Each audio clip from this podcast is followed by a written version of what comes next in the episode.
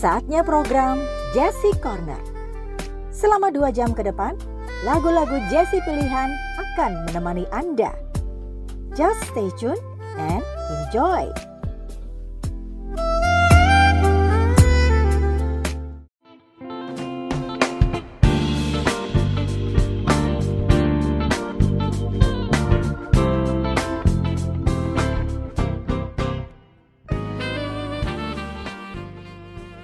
Masih di Jazz Corner. Sebentar lagi kita akan ngobrol seru bareng seorang penyanyi jazz Indonesia yang saya yakin Anda semua pasti sudah tahu banget nih sama sosok yang satu ini.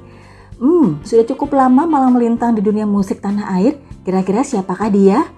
Ya udah langsung aja kita sapa. The one and only Syaharani. Halo Rani, apa kabar? Hmm, saat ini lagi sibuk apa nih? Dengan meningkatnya pandemi beberapa bulan terakhir, Simply hanya kegiatan rumah, baca, bikin lagu, kalau mood nulis puisi, kalau mood terus juga bantu passing-passing info dari kawan ke kawan. Sebab banyak yang butuh donor, butuh oksigen, informasi dokter, informasi obat di masa pandemi COVID ini, jadi uh, cukup padat sebenarnya dengan hal ini, plus dengan ditambah olahraga juga lebih teratur di rumah untuk sementara ini. Jadi kegiatannya sesederhana itu sih. Banyak yang mengenal Rani ini sebagai seorang penyanyi jazz. Gimana sih awal ceritanya Rani ini bisa terjun sebagai seorang penyanyi jazz? Sejak kapan? Dikenal sebagai seorang penyanyi jazz, ya ini terjun nyanyi itu sebenarnya saya nyanyi dari SD ya, paduan suara gitu nggak pernah bercita-cita jadi penyanyi sebenarnya karena saya dulu ikut pelatihan bulu tangkis secara intensif di Batu dan kemudian sempat uh, ikut uh, penyaringan platda. Jadi nyanyi adalah blessing in disguise karena dari kegiatan paduan suara di sekolah itu uh, terus ikut lomba-lomba di sekolah itu sebenarnya saya banyak menang ada beberapa terus kayak ikut lomba zaman dulu tuh ya di Malang karaoke dan segala macam kayak gitu sempat menang.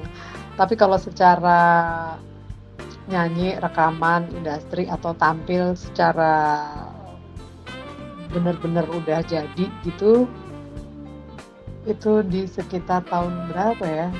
Pokoknya SM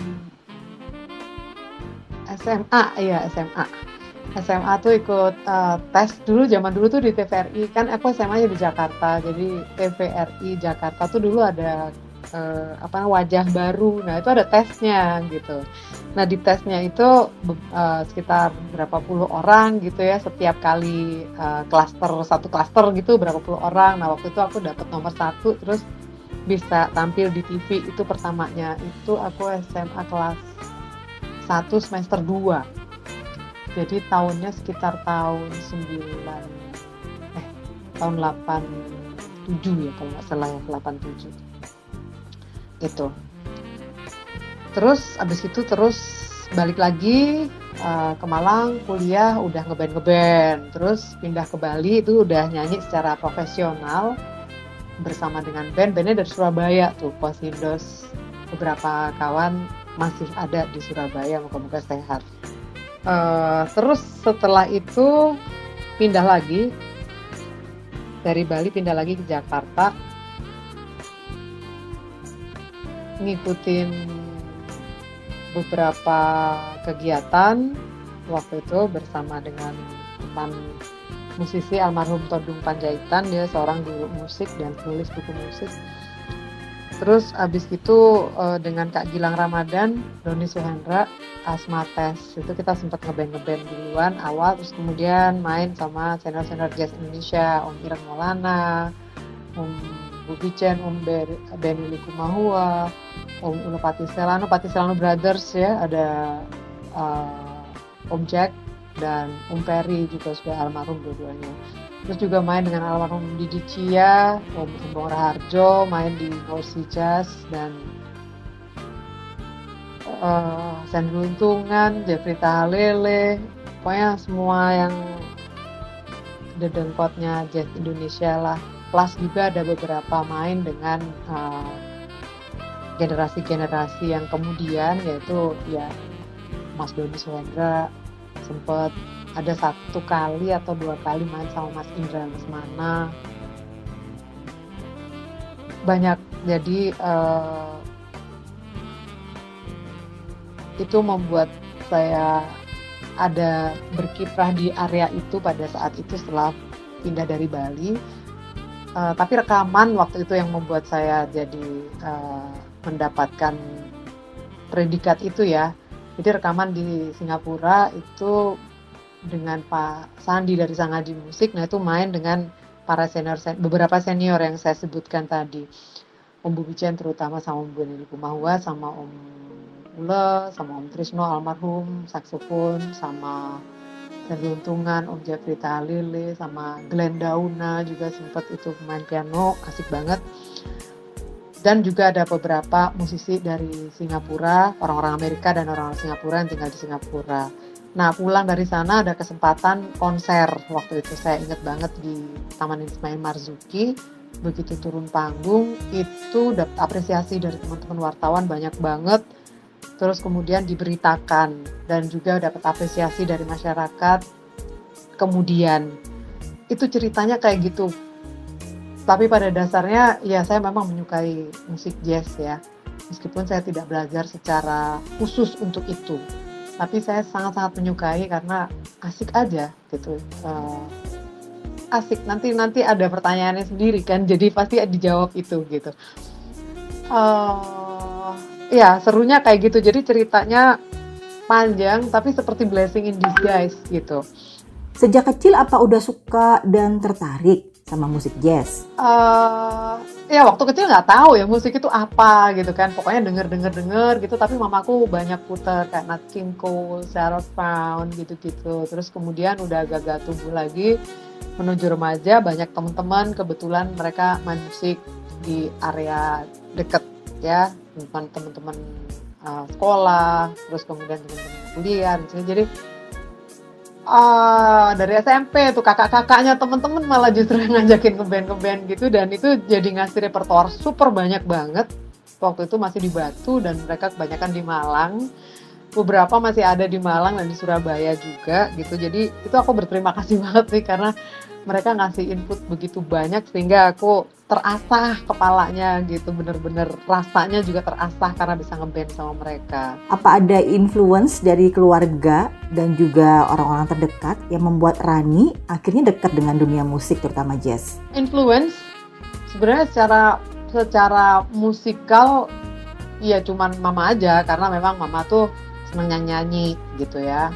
Dulunya suka nyanyi tapi sama opa nggak boleh nyanyi. Tapi om saya itu mainin lagu-lagu seperti Everly Brothers dan om saya itu dulu luthier bikin gitar. Jadi dulu pernah ada piringan hitamnya Leon and Andre. Mereka dulu tinggal di Surabaya terus kemudian pindah imigrasi ke Australia gitu. Apa yang membuat Rani ini tertarik dengan musik jazz? Apa yang spesial? Apa yang membuat Rani tertarik dengan musik jazz apa yang spesial? Nah ini susah jawabnya ya, karena secara umum ini sama aja uh, seperti ditanyain kayak kamu kenapa pacaran sama si A atau si B gitu. Yang pertama sih uh, perasaan yang paling cepat timbul itu adalah karena memberikan rasa nyaman kalau kita mendengarkan. Gitu. Nah ada orang yang pada musik-musik tertentu itu pasti menemukan itu gitu, menemukan seperti sebuah perasaan yang kita rasanya enak banget kalau dengar, nyaman banget kalau dengar. Nah itu uh, menjadi menjadi uh, apa namanya awalnya, kemudian lebih memahami lagi ketika udah diajak main diajak manggung. Jadi ada ruang-ruang komunikasi sama rekan-rekan, mendengarkan, saling merespon. Meskipun respon yang sederhana, aku ini bukan improvisator yang jagoan banget gitu, tapi aku mempunyai rasa uh, estetika yang bagus kayaknya gitu. Jadi sehingga setiap kali manggung itu bisa mempunyai uh, penyesuaian diri yang cukup baik. Terus abis itu juga bisa mengeksplor apa yang dihadirkan oleh teman-teman. Iya, just like life gitu. Jadi uh, itu sih sebabnya sih setiap kali aku mendengarkan uh, komposisi-komposisi jazz itu rasanya nyaman. That's it gitu. Bahkan sampai sekarang kalau aku dengerin beberapa lagu itu aku masih bisa nangis sendirian aja untuk lagu standard jazz itu. It's just so good.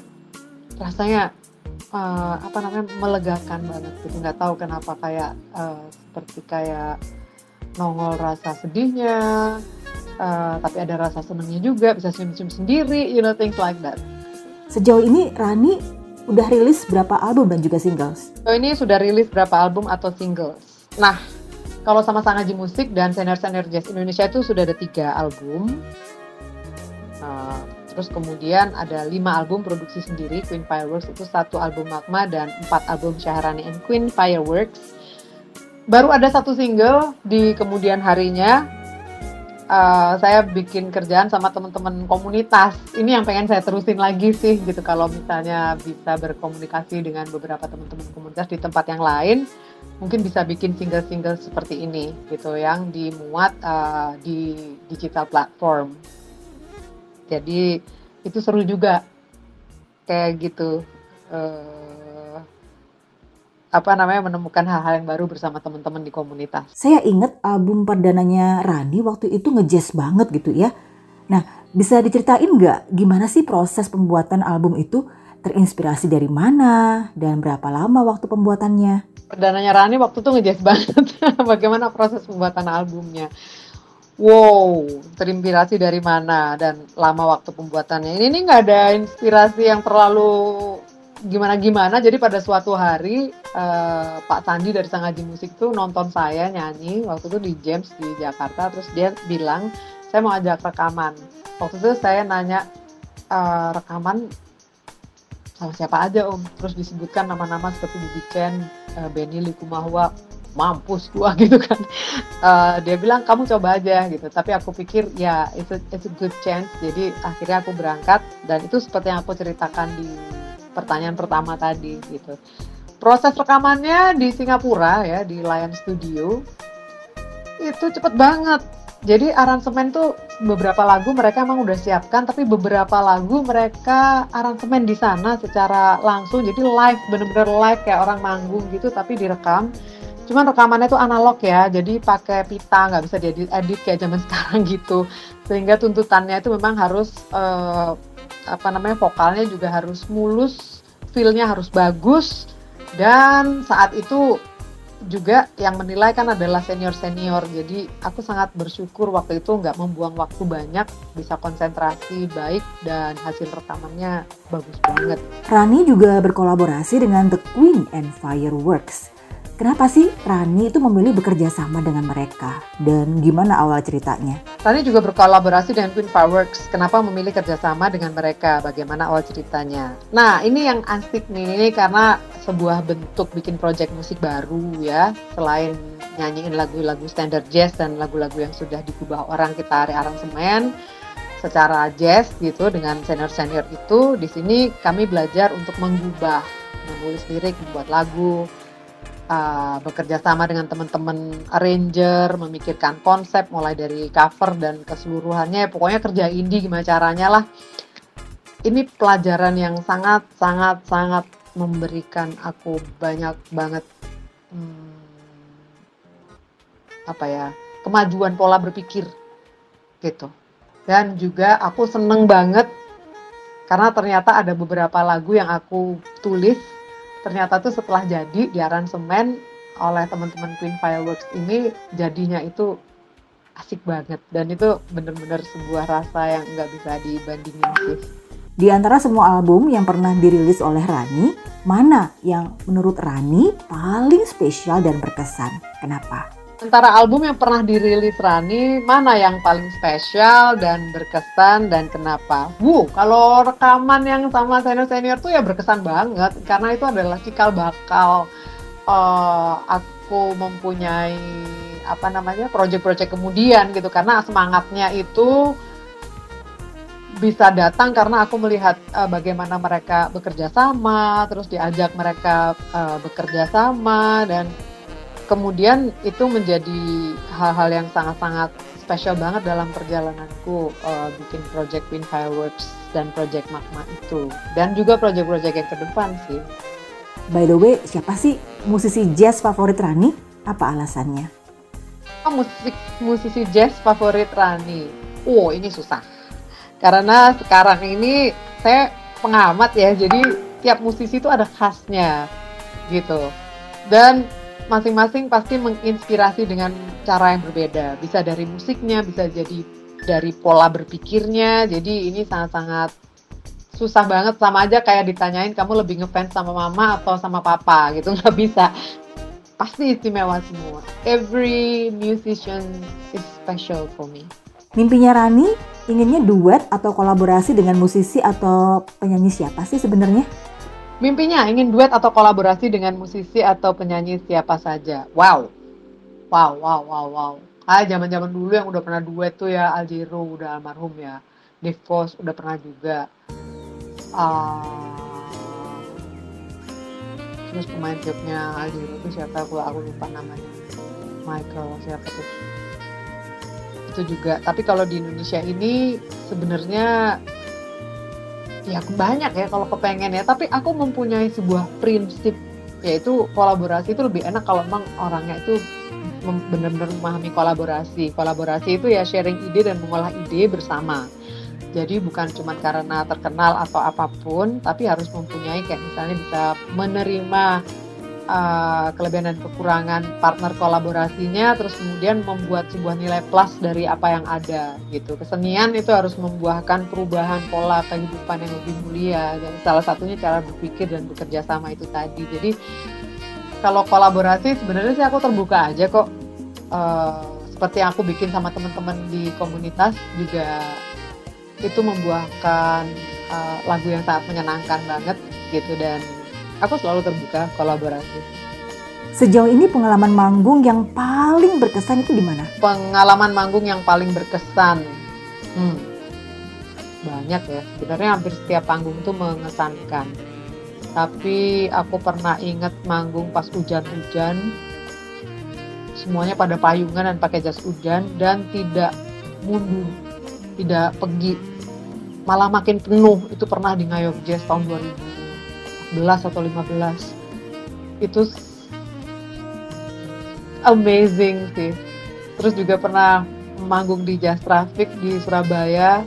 Itu juga uh, aku mempunyai rasa amazing yang luar biasa banget karena lagu-laguku itu sebenarnya kan nggak banyak diputar di radio ya. Tapi mereka itu mengikuti gitu.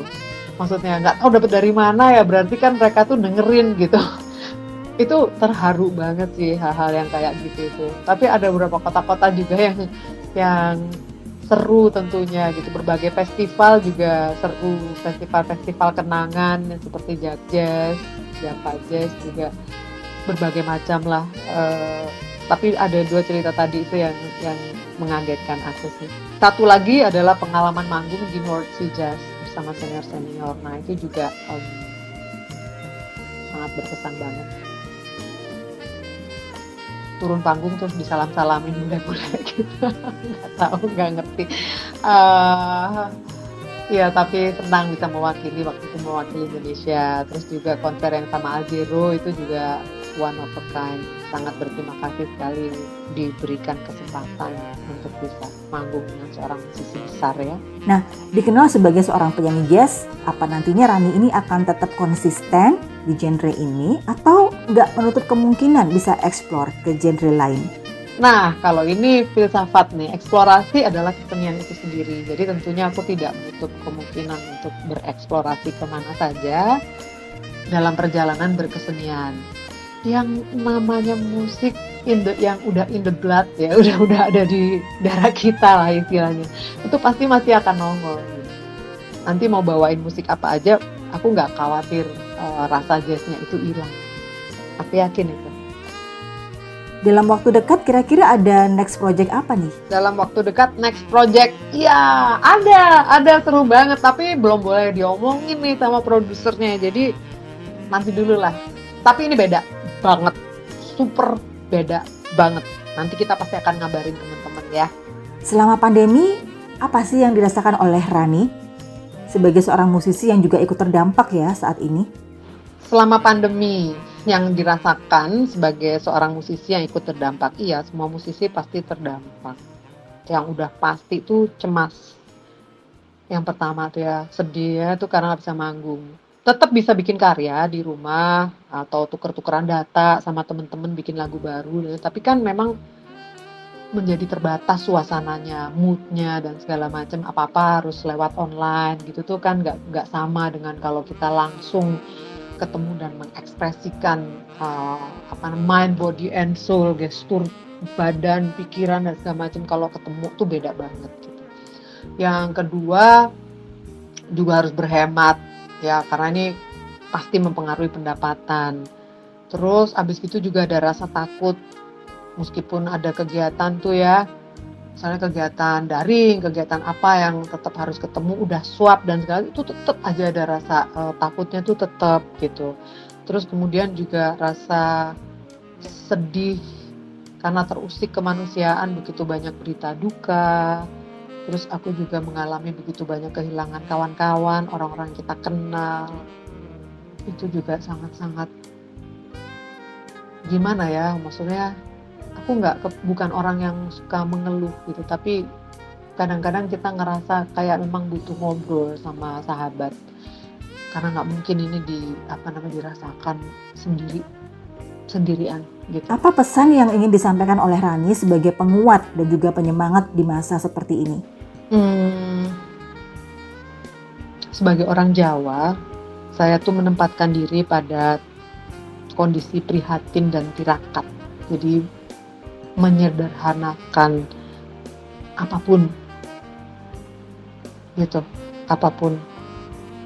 Ya keinginan ya kegiatan ya. Jadi berusaha memahami bahwa ini memang terjadi sedunia dan kita memang harus saling ya saling saling membantu saling memberikan info, saling menyederhanakan keinginan kita. Jadi itu masuk di situ dan jangan lupa kita juga tetap doa, tapi di sisi lain juga jangan lupa tetap menjaga hal yang sudah dikaruniakan Tuhan kepada kita, kehidupan, bakat, kesehatan yang kita punya. Aku lebih rajin uh, ini sih olahraga kayak stretching 30 menit pagi sore dan segala macam dan kadang aku siarin uh, apa namanya tuh ngingetin temen-temen gitu di di Facebook page ya facebook.com slash syaharani.id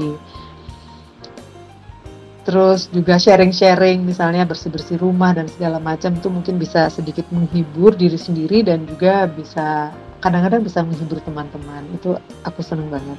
Nah jika ingin tahu segala hal yang update tentang aktivitas dan juga karya-karya Rani, ini kira-kira bisa cek di IG atau channel YouTube mana ya? Nah, buat teman-teman yang pengen tahu kegiatan-kegiatan Queen Fireworks atau Syaharani, Instagramnya ada nih, ada at Queen Fireworks, Queen Ratu Fire Api Works kerja, Queen Fireworks disambung ya, at Queen Fireworks di Instagram juga ada at syaharani.id di Instagram juga. Isinya dua-dua beda-beda. Terus abis itu YouTube-nya ada di youtube.com slash queenfireworks tuh YouTube nggak cuma musik aja ya, ada video trip, ada ngobrol-ngobrol, dan kalau teman-teman mungkin mempunyai hal-hal yang memang seru buat diobrolin dan segala macam tuh bisa aja kontak nanti kita bisa bikin live dan segala macam yang penting itu menginspirasi baik masalah budaya uh, maupun hal-hal lain kayak gitu. Oke, The Last ya Rani, mohon dibantu untuk bilang, saya Syaharani, keep stay tune di Jazz Corner MNC Trijaya FM Surabaya. Saya Syaharani, keep stay tune di Jazz Corner MNC Trijaya FM Surabaya. Oke, okay, thank you Rani. Thank you ya. Sukses ke depannya. Stay safe, stay healthy. Sukses selalu buat Rani. Ya itu tadi obrolan seru kita bareng Syaharani. Keep stay tune di Jazz Corner MNC Trijaya FM Surabaya.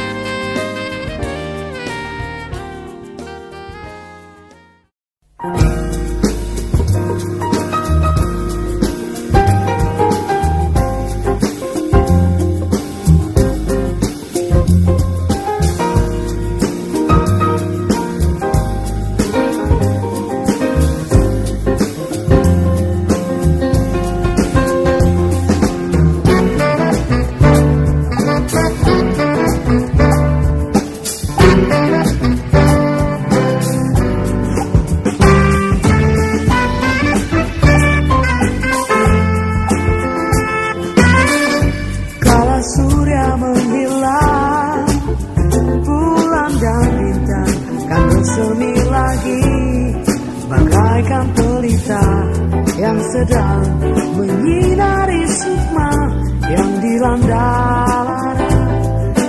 Duka nestapa Kala burung berkicau mendari pagi akan datang lagi Menghangatkan hati.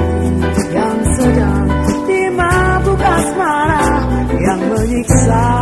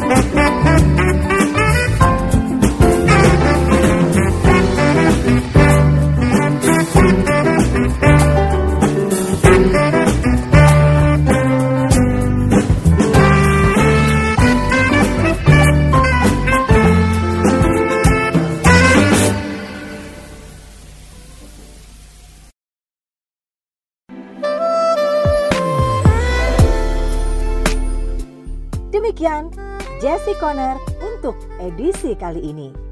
Thank you for stay tuned and bye-bye.